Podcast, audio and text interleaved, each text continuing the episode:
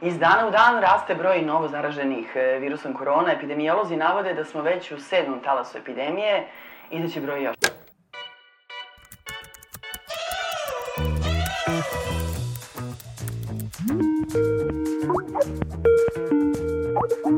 Hej!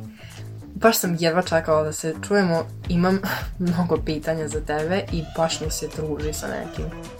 To na koji način ćemo mi zadovoljiti potrebu, to je sad stvar individualnih razlika, ali mi nekako prirodno tražimo kontakt sa drugima. U ovoj epizodi umologije ćemo čuti Bojanu Bodrožu, psihološkinju, i razgovarat ćemo o temi socijalizacije i uticaje raznih aspekata na naš društven život. Kao što ste već u prethodnoj epizodi saznali, ja sam Jovana i kroz ovaj podcast ćete zajedno sa mnom slušati stručnjake u oblasti mentalnog zdravlja i rada s mladima i uz njih učiti i upoznavati sebe. Za početak, da čujemo šta Bojana misli šta najviše otežava proces komunikacije u današnjem društvu i zbog čega. Samo je pitanje uh, da li je ona dobar ekvivalent i dovoljan ekvivalent ove offline komunikacije. A evo, ovaj, obrazložit ću uh, zašto to mislim. Uh, svako ko, ne znam, ima blisku osobu, prijatelja, člana porodice ili tako nešto negde koji ne živi blizu, zna da je, svako ko se seća pre internet ere, zna koliko je danas lakše i održati kontakt i razmenjivati poruke, održati tu komunikaciju i razmenjivati neke stvari koje nam se dešavaju u životu. A da li je internet komunikacija dovoljno kvalitetna da može u potpunosti da zameni našu komunikaciju u stvarnom svetu sa drugim ljudima? Ja bih rekla da bi bilo bolje da je ne zameni. Nekim ljudima možda zameni, ali da e, ne može u pravom smislu da neće na jednak način zadovoljiti sve potrebe e, socijalne, ali onda kada nije moguće te potrebe zadovoljiti na drugi način, da je internet druga, drugi najbolji način kako to možemo da uradimo.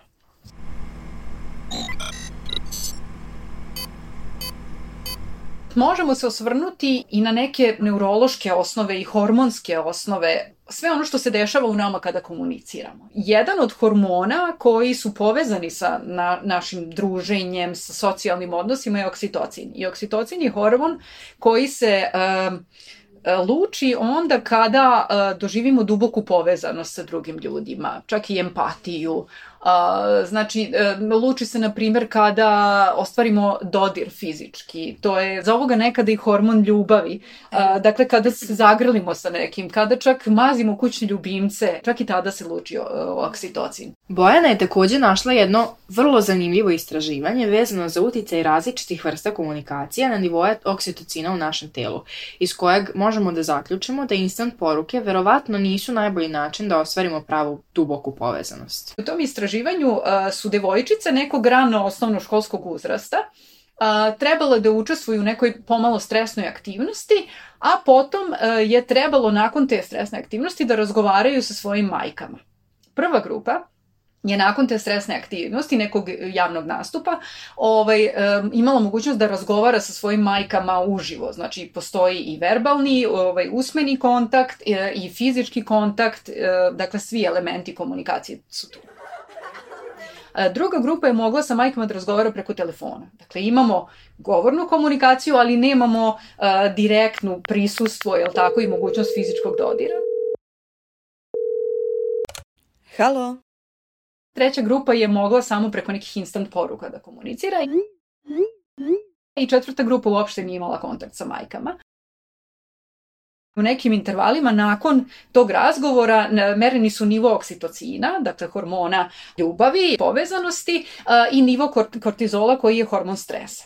I pokazalo se da uh, one devojčice koje su imale priliku da komuniciraju sa majkama uživo ili preko telefona, da je kod njih bio povišen nivo oksitocina, dakle da su ostvarile povezanost, a snižen nivo kortizola, dakle sam, sam taj kontakt sa majkama je smanjio stres, A, ali one koje su preko instant poruka komunicirale ili nisu uopšte mogle da komunicirati s majkama, kod njih nije došlo do povećanja oksitocina i smanjenja kortizola. Dakle, mi možemo da ostvarujemo kontakt sa drugima, to nam je olakšano, telefoni su nam sve prisutni, uvek su uz nas, jel tako? Ali e, vrlo često ako mi samo komuniciramo, odnosno sve više prebacujemo našu komunikaciju na online i naročito to kuckanje poruka, umesto da sedimo prisutni zajedno sa drugim ljudima, to zapravo verovatno neće biti uh, socijalni odnos, sama komunikacija jednakog kvaliteta, čak i na nekom hormonalnom, hormonalnom nivou neće na isti način zadovoljiti neke naše potrebe. Također smo pitali i tinejdžere šta za njih predstavlja socijalizacija. Evo šta su nam rekli Andrej i Senka. Socijalizacija za mene najpre znači neko građenje međuljudskih odnosa, neko integrisanje u društvu e, u kom e, provodimo najviše svog vremena. E, to bi naravno bila, bile ustanove koje pohađamo, škola, ranije vrtić i tako to. Onda takođe rekao bih da je socijalizacija neki pasivan vid učenja o ponašanju recimo, zato što mi od malih nogu posmatramo kako se drugi oko nas e, ponašaju i to vremenom postaje deo i nas samih.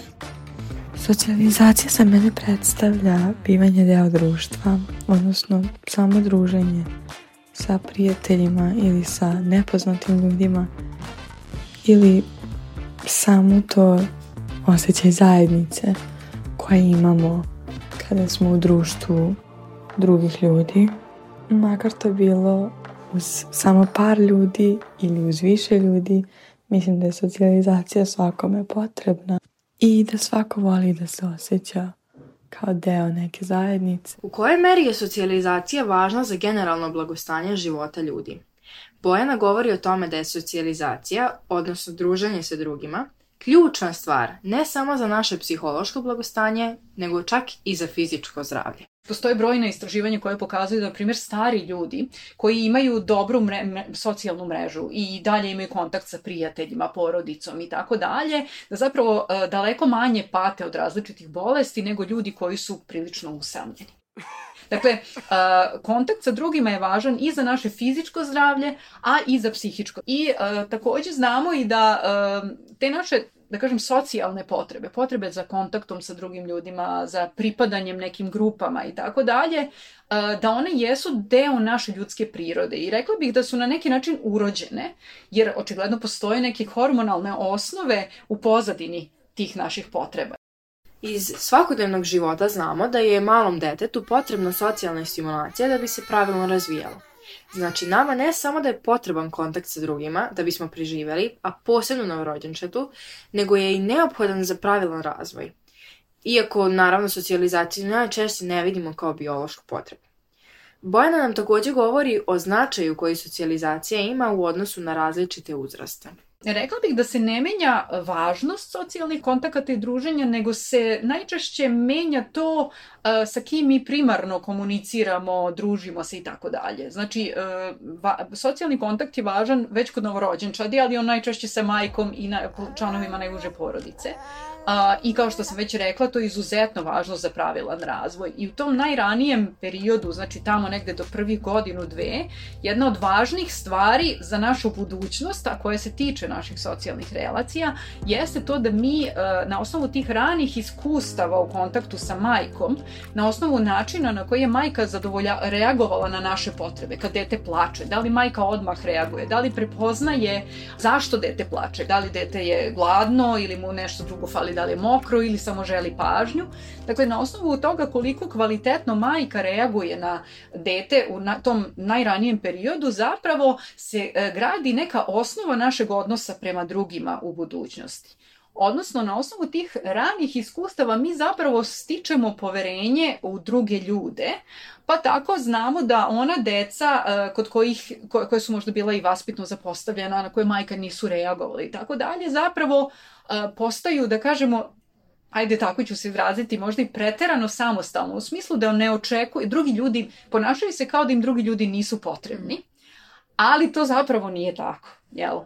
A, tako da već ti najraniji odnosi zapravo uh, postavljaju neki temelj toga na koji način ćemo mi razvijati naše buduće socijalne odnose. Dakle, već u ranom periodu u porodici se razvija način na koji ćemo se mi odnositi prema drugima u budućnosti. Neki misle da je period adolescencije najvažnije, a zapravo socijalni kontakti jesu važni i ranije, a i kasnije, samo imaju neku drugu razvojnu funkciju. U periodu adolescencije mi zapravo najviše razvijamo tu socijalnu inteligenciju. Dakle, učimo kako da funkcionišemo u grupi. To za mnogu decu počinje već u periodu vrtića i polaska u školu, ali u adolescenciji vršnjaci postaju još važniji jer dete negde se osamostaljuje od roditelja i više se okreće vršnjačkoj grupi. I vi sad tu da ne biste bili odbačeni od strane grupe, što je jedno veoma stresno iskustvo, ovaj, učite na koji način je prihvatljivo da se ponašate, konformirate se grupi, učite pravila grupe, onda postepeno postaju sve važniji i odnosi za većinu ljudi sa suprotnim polom ili sa polom koji ih privlači i dakle učimo na koji način da komuniciramo u tim uh, intimnim odnosima. Sve to je nešto što se gradi kroz vršnjačke odnose. Zaista socijalna inteligencija se razvija intenzivno u tom adolescentskom periodu, ali su temelji njeni zacrtani u nekim najranijim uh, iskustvima. I naravno kasnije kroz život ta naša socijalna inteligencija, način socijalnog funkcionisanja će određivati i naše intimne odnose i tako dalje.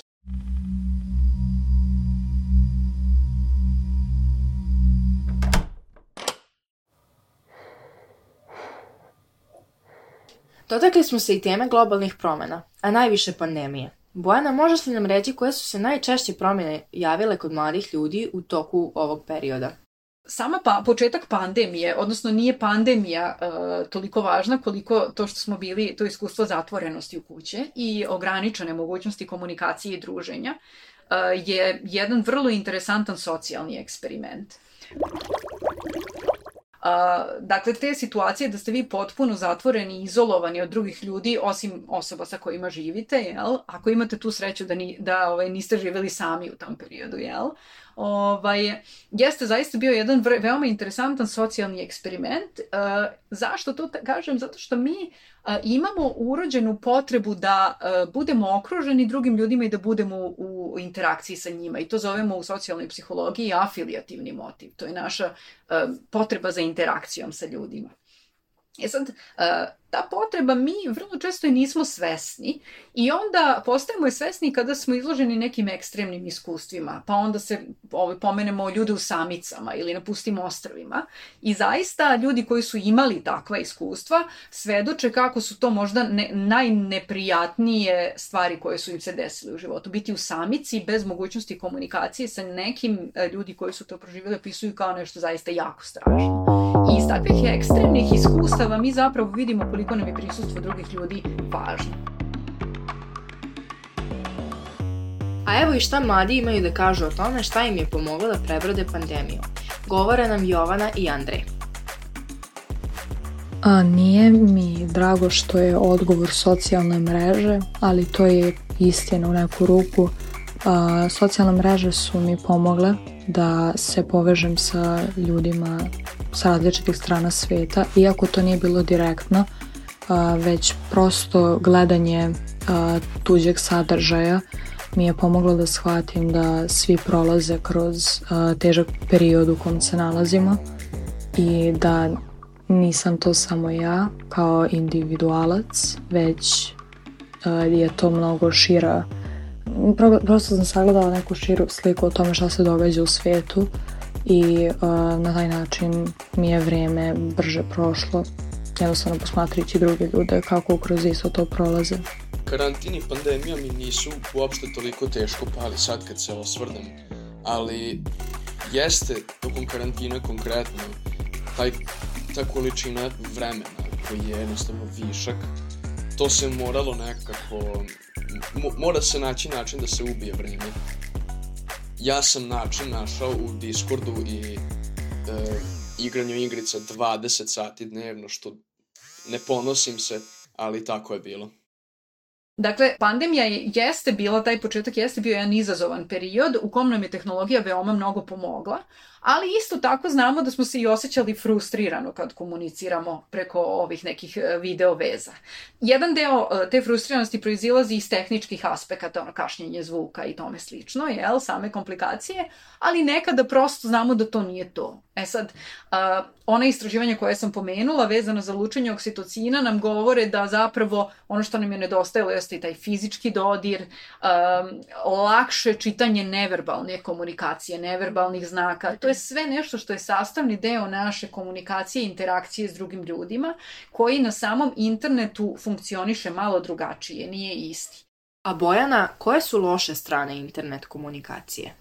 Na primer, e, naše kognitivno funkcionisanje se menja, naš sposobnost da fokusiramo pažnju, da dugotrajno budemo fokusirani na neki sadržaj se dosta promenila od kada e, imamo internet, jer smo navikli na kratke sadržaje koji moraju da budu veoma e, senzacionalistički da bi održali našu pažnju. Potrebne su nam mnogo dinamičnije draži koje bolje drže našu pažnju i to se često ogleda na socijalnom nivou. Imamo jedan fenomen koji je nazvan pubbing, a termin je kombinacija ovaj, reči phone i snubbing.